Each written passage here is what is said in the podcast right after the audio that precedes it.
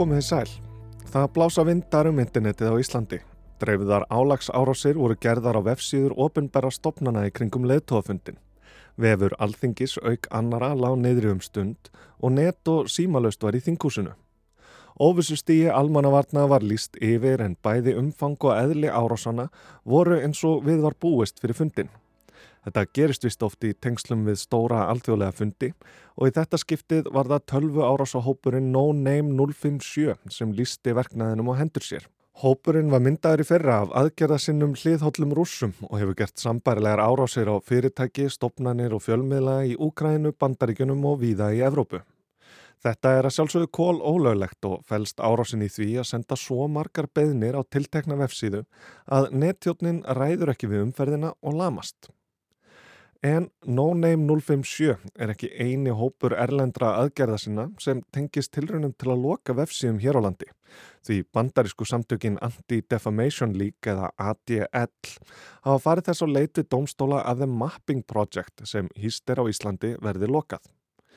Á The Mapping Project er að finna gagvirt kort af Massachusetts þar sem búið er að merkja við og tengja saman stopnanir og einstaklinga sem aðstandendur síðunar segja tengjast þjóðarnisreinsunum í Palestínu, nýlendustefnu og síonisma. Á kortinu eru allir helstu háskólar í fylkinu, Harvard, MIT, Berkeley tónlistaskólinn og Brandeis, auk banka eins og Citigroup og JP Morgan, lauruglustöðva og annara stopnana. Á síðunni eru gýðinglegu samtökin ADL sögð beita áhrifavaldi sínu til að hveða niður uppreysnir kúaðra hópa, sérstaklega í Palestínu, stunda njóstnir og ala á fordómum gegn muslimum. ADL segja vefsíðuna á móti fela í sér haturs orðræðu og að samfélagi gýðingastafi óknafenni. Klerkastjórnin í Íran standi mögulega bakinni. Jonathan Greenblatt, formaður ADL og fyrrum aðstofamaður Barack Obama, skrifaði opið bref til Þórtísar Kolbrunar Reykjörð Gilvadóttur utanrikiðsáð þeirra í fyrra, þar sem þess var krafist að íslensk stjórnvöld beittu sér fyrir lokun síðunar. En allt kom fyrir ekki. ADL hefur því höfðað mál gegn íslenska hýsingafyrirtækinu 1984 og krefst lögbans. Ég heiti Snorri Rafn Hallsson og þú ert að hlusta á þetta helst. Helst í dag er deilað The Mapping Project og Anti-Defamation League sem tegir ánga sína alla leiðina hingað. 3. júni 2022 byrtu aðgerðasinnar í Boston gagvirt kort af Massachusetts undir heitinu The Mapping Project. Á síðunni segir að verkefninu sé ætlað að rannsaka tengslinn millir stopnana sem eru ábyrgar fyrir landnámi í Palestínu, nýlendu stefnu og egna sviftingu í Massachusetts og hægkerfi heimsvaldastefnu og stríðs. Á kortinu eru hinnar ímsu stopnarnir geðinga, bæði félagsamtök á borð við Anti-Defamation League, samtök sionista og Ísraelska ameríska ráðið í Boston, en einnig ofinbera aðila á borð við aðalræðiskrifstofu Ísrael í Nýja Englandi. Hverri færslu fylgir heimilisfang, teksti um starfsemi viðkomandi aðila og loksinn markvíslegu innbyrðist tengsl við aðrar stopnarnir á svæðinu fjárhagsleg tengsl, fastegna sambönd, samstarf eða sameinleir meðlimir og stjórnendur. Þetta eru stórar og miklar ásaganir sem settar eru fram á síðunni. Þáttaka í þjóðernishreinsunum, stríðsmaskínu Vesturlanda, landnám og heimsvaldastefna. Og við fyrstu sín er ekki alveg augljóst hvað lauruglustöðvar í Massachusetts hafa með landtöku í Palestínu að gera. En það er einmitt það sem verkefninu er ætlað að varpa ljósi á, segja aðgera sinnarnir. The Mapping Project sé tæki til að sapna saman og miðla upplýsingum svo hægt sé að skipulegja áhrifaríkari aðgerðir. Ástæði þess að lauruglusveitir eru svo áberandi á kortinu er að sögnhópsinn svo að þær hafa herfaðist undan farin ár.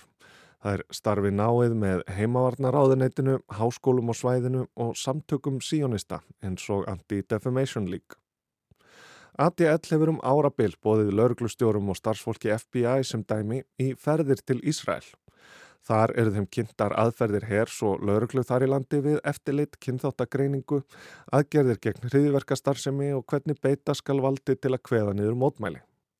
Það sem er kynnt sem tækifæri fyrir lauruglu yfirvöldi bandaríkunum til að læra af nánum bandamanni með reynslu í að takast á við hriðiverk sé í raun þjálfun með hernámsveitum Ísraela sem brjóta gegn mannréttindum palestinumanna, segir í skýrslu sem The Mapping Project vísar í. Ástæður þess að háskólar eru fyrirferða miklir á kortinu eru þær að þeir ráða yfir miklum landsvæðum sem áður tilheyrðu frumbyggjum og þeir starfa náið með vopnaframleðendum og tæknifyrirtækjum með tengsl við Ísrael hvers tækni er beitt gegn kúuðum hópum viða um heim. Svona segir kortið ekki eina sögu samkvæmt The Mapping Project heldur margar sögur sem skarast og það sem byrtist er það að þau fyrirtæki og stopnannir sem viðhalda hernámi Ísraela í Palestínu séu sömu fyrirtæki og stopnannir sem viðhalda löggæslu, styðja brottvísanir æs, hagnast á stríðum bandaríkjamanna og valda fólksflutningum og útbörðum í Massachusetts með því að keira upp húsnæðisverð. Allt hangir þetta saman. Markmið kortlagningarinnar er að afhjúpa þær stopnannir og net sem standa fyrir þessari eðileggingu svo hægt sé að taka þær í sundur. Hver stopnun hefur heimilisfang, hvert net er hægt að trubla, segir á The Mapping Project. Það er þetta orðalag sem Anti-Defamation League segir hattursorðræðu að taka í sundur og trubla stopnannir gýðinga og að samfélagi þeirra í Boston standi því okkur af verkefninu. Anti-Defamation League var stopnað árið 1913 af Benai Brith samtökunum Börnum Sáttmólans sem hefur það að yfirlistu markmiði að tryggja öryggi og samfellu gýðinga og Ísraelsríkis auk þess að berjast gegn gýðingahatri og öðrum fordómum. Eins og nafnið gefur til kynna hefur ADL frá upphafi reynd að vinna gegn ófræðingu gýðinga sem lengi hafa mætt fordómum og mismunum svo vægt sér til orða tekið. Fyrstum sinn beitti ADL sér gegn fordómafullum byrtingamyndum gýðinga í bandarískri menningu og efnahagslegu misrætti. ADL setti þrýsting á dagblöð, leikhús, útgefendur og auðlisendur sem heldu þessum staðal ímyndum á lofti og skipulöðu sniðgöngu á þeim sem ekki letu undan.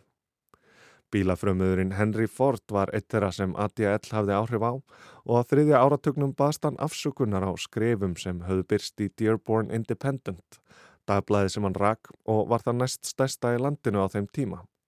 Dearborn Independent hafði fjallað ítarlega um gjörðabækur öldunga síjóns, falsarar bókar um samsæri gýðinga sem var það hortsteini í hugmyndaheimi gýðinga hatara.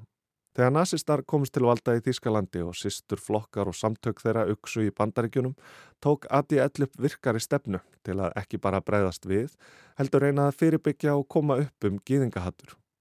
Í félagi við önnur samtök laumuðu meðlumum sínum inn á meðal nazista, söpnuðu upplýsingum og ljóstruðu upp um þá. Síðan þá hefur ADL ekki sótt mikið í sviðsljósið, heldur frekar lagt áherslu á að skapa sambönd og traust við fjölmiðla fyrirtæki og stopnanir. Meðlimir og stuðningsmenn samtakana skrifa því gjarnan bref beint til þeirra sem byrta eða hýsa það sem ADL skilgreinir sem ófræðingu og eða hattus orðræðu eins og það sem Jonathan Greenblatt, formaður ADL, sendi utanríkisráð þeirra Íslands í fyrra. Þar segir meðal annars að þrátt fyrir að samtökinn styðji tjáningafrelsi þá felið The Mapping Project í sér ákall til aðgerða gegn tilteknum gýðinglegum stopnunum og einstaklingum og í því felist ókn sem fari yfir strikið. Síðan er nú hýst af íslenska fyrirtækinu 1984 en tveir aðrir hýsingaræðilar höfðu þá tekið síðuna niður. 1984 vildi ekkert aðhafast þrátt fyrir að ADL hefði gert þeim vartum þessa ógn og að síðan breyti gegn notkunarskilmálum 1984 að mati ADL. Skýr svör hafa svo heldur ekki fengist frá sendiherra Íslands í bandaríkjunum nýja lauruglu yfirvöldum á Íslandi. Við hörmum áhuga lausa afstöðu íslenskra embættismanna til þessarar ógnar við gýðingasamfélagið og byggjum ríkistjórn þín að grýpa til skjótra ráðstafana til að koma í veg fyrir að þessi vefsiða sé hýst í þínu landi, segir í niðurlægi brefsins. Það má leiða líkur að því að The Mapping Project hafi verið hýst hér á landi einmitt vegna þess stuðning sem íslenska þjóðin og stjórnvöld hafa sínt Palestínu í gegnum tíðina. Samtökin Ísland-Palestína hafa verið starfrækt frá árunnu 1987 með það að markmiði að stölaði ákvæðum viðhorfum til Ísraelsku og palestinsku þjóðana og vinna gegn hverskins aðskilnaðastefnu. 1989 samþykti alþingi svo áleiktun sem fóli sér stuðning við helstu markmið samtakana, svo sem tilverurétt Ísraelsríkis og þjóðaréttindi palestinumanna. 2011 viðurkendi alþingis og sjálfstæði Palestínu og engin þingmaður greitti atkvæði gegn tillöginni þó nokkrir sætu hjá. En það hefur því verið lítill hljómgrunur hér á landi fyrir tilraunum ADL til þess að fá þeim Mapping Project lokað. Síslumadur á höfuborgarsvæðinu hafnaði kröfu samtakana um að lögbann er þið sett á hýsingu síðunar og því hefur ADL afráðið að höfða mál á hendur 1984 til að fá þeirri ákverðun snúið við. En það sem flækir þessi mál er sérstök staða Ísrael sem síonisks ríkis gýðinga og því getur verið erfitt að greina á milli and-síonisma og and-semitisma. Grípum niður í Wikipedia til að skilgreina síonisma en þar segir Síonismi er stefna í stjórnmálum sem tilur að gýðingar eigi rétt á eigin landi fyrir heitna landinu.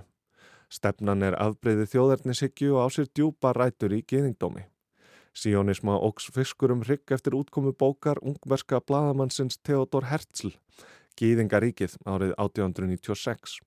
Eftir stopnun Ísraelsríkis 1948 hafa fylgjendur stefnunar stutt ríkið Fylgjendur stefnunar eru andvir því að gýðingar samlægist öðrum þjóðum og telja að gýðingar um víða veröld eigi að snúa til Ísrael til að komast undan mismunun vegna gýðingahaturs. Eftir helfuruna naut síonismi mikillar hilli á Vesturlöndum, ekki síst í bandaríkjum Norður Ameríku, sem eiga sterk tengsl við Ísraelsriki, bæði efnahagsleg og stjórnmálaleg. Stefnan nýtur þó lítillar hilli í Íslamsríkjum og er víða fordæmt þar. Eftir Olgu í Palestínu síðustu áratvíði 20. aldar hefur gaggrinni Vesturlanda á síónisma aukist og telja gaggrinendur síónisma vera heimsvaldastefnu byggða á kynþáttahyggju. Jonathan Greenblatt hefur lísti yfir að andsíónismi sé andsemitismi og af því leiðir að hverskins gaggrinni á Ísraelska ríkið er um leið gaggrinni á geninga sem slíka. Tvö dæmi tengt Íslandi og Eurovision varpa ljósi á hvers vegna þetta getur verið flókið. 2019 let Páll Óskar eftirfarandi orð falla í lestinni hér á Rás 1 þegar hann lísti afstöðu sinni til keppninar í Ísrael. Við hérna á Íslandi getum verið rosalega pró-Palestína eitthvað en ástæðin fyrir því að restina eru þeir þunnuljóði er geðingar eru búin að sauma sig inn í Evrópu á mjög lúmskanhátt á mjög löngum tíma. Það er alls ekki hipp og cool að vera pró-Palestína til dæmis í Byrjallandi. Málið er að tragedíðan svo er að gýðingar lærðu ekki neitt af helförunni. Í staðin þá morfuðust þeir, þeir umbreytust í nákvæma afsteipu af sínum ógeðslegasta óvinn. Pál Óskar baðist afsökunar á þessum ummælum og skrifaði á Facebook. Ég viðkenni fúslega að ég gekk allt of langt í orðum mínum. Ég blandaði ríkistjórn Ísraels, Ísraels her og gýðingum saman í einn gröð. Ég fór með áfellistóma og alhæfingar um gýðinga. Ríkistjórn Ísraels, Ísraels her og stjórnarstefna þeirra fær aftur á móti engan afslátt. Restin af ummælunum stendur. Heimurinn hefur orðið vittni að áratuga ofbeldi gegn palestínumönnum og mörgum þótti hrikalegt að fólkið sem helfurinn beintist gegn skuli ganga fram með þeim hætti sem Ísraels her gerir. En svo gefur að skilja hafa þessar alhæfinga mínar að blanda saman gýðingum við stjórnarstefnu síjónista vakið hörð við bröð sem ég tek fúslega ábyrð á. Það er því ekki skrítið að gaggrinni á Ísraelsríki eða stuðningur við Palestínu geti því jafngilt gýðingahatri í augum margra þegar hugtökinn fara svona á flót og þeim er sleið saman. Það skýrir að hluta til viðbröðin við stuðningsyfirlýsingu hatara við palestinumenn í Eurovision 2019 þar sem fjölmiðlar dróðu fram í dagsljósið miður fallega hluti úr sögu Íslands og þess nazisma sem hér fekk að þrýfast sem sönnun þessa hatari væri ekki bara stuðningsmenn Palestínu heldur andstæðingar Ísraelsríkis. Og þá komum við aftur að The Mapping Project og Anti-Defamation League. Það var raunar óhjákvæmilegt að ADL setti sig upp á móti verkefninu þar sem það er að hluta til framlenging á BDS hreyfingunni. BDS stendur fyrir Boycott, Divest and Sanction, sniðganga, fjárlósun og refsi aðgerðir og er það palestínsk hreyfing að söður afrískri fyrirmynd. Þetta byrtist meðal annars í því að þegar tilkynnt var að Eurovision færi fram í Ísrael lögðu þúsund Íslendingar napsitt við undirskriftalista þar sem ríkisútvarpið var hvað til þess að taka ekki þátt. Á meðan ADL hefur lobbyjað fyrir lögum sem komi í vekk fyrir að Ísraelsk fyrirtæki séu sniðgengin þykir The Mapping Project BDS ekki ganga nógu langt. Það nægi ekki að fókusera á tiltekin fyrirtæki heldur verði að líta á hlutina í heilt, skoða tengingarnar og skilja samhengið. Það er afstafa gegn síónisma og þar með gýðingum að mati ADL. Vegna þess hver margar stopnanir á kortið The Mapping Project tengjast bandarískum öryggismálum, svo sem skrifstofum heimavarnaráðanitisins, hátti 300 lauruglustöðum, leini þjónustu og þar fram eftir göttunum, hefur þeim möguleika verið veld upp af rannsakendum að eitthvað annað og meira liggja baki en heimamenn í Massachusetts sem standa með Palestínu. Líklegasti möguleikin þykir klerkastjórnin í Íran sem Ísrael lítur á sem sinn helsta andstæðing en enn fær The Mapping Project að vera uppi í skjóli íslenskra hýsingaraðila ennum sinn. Þar til niðurstaða fæst í máli Anti-Defamation League gegn 1984. Þetta var helst af deilu stuðningsmanna Palestínu og stuðningsmanna Ísrael í Massachusetts í bandaríkjunum sem tekt hefur ánga sína allaleið hingað og verður tekinn fyrir dóm í hérastómi Reykjavíkur. Ég heiti Snorri Rafn Hallsson og þakka áhörnina.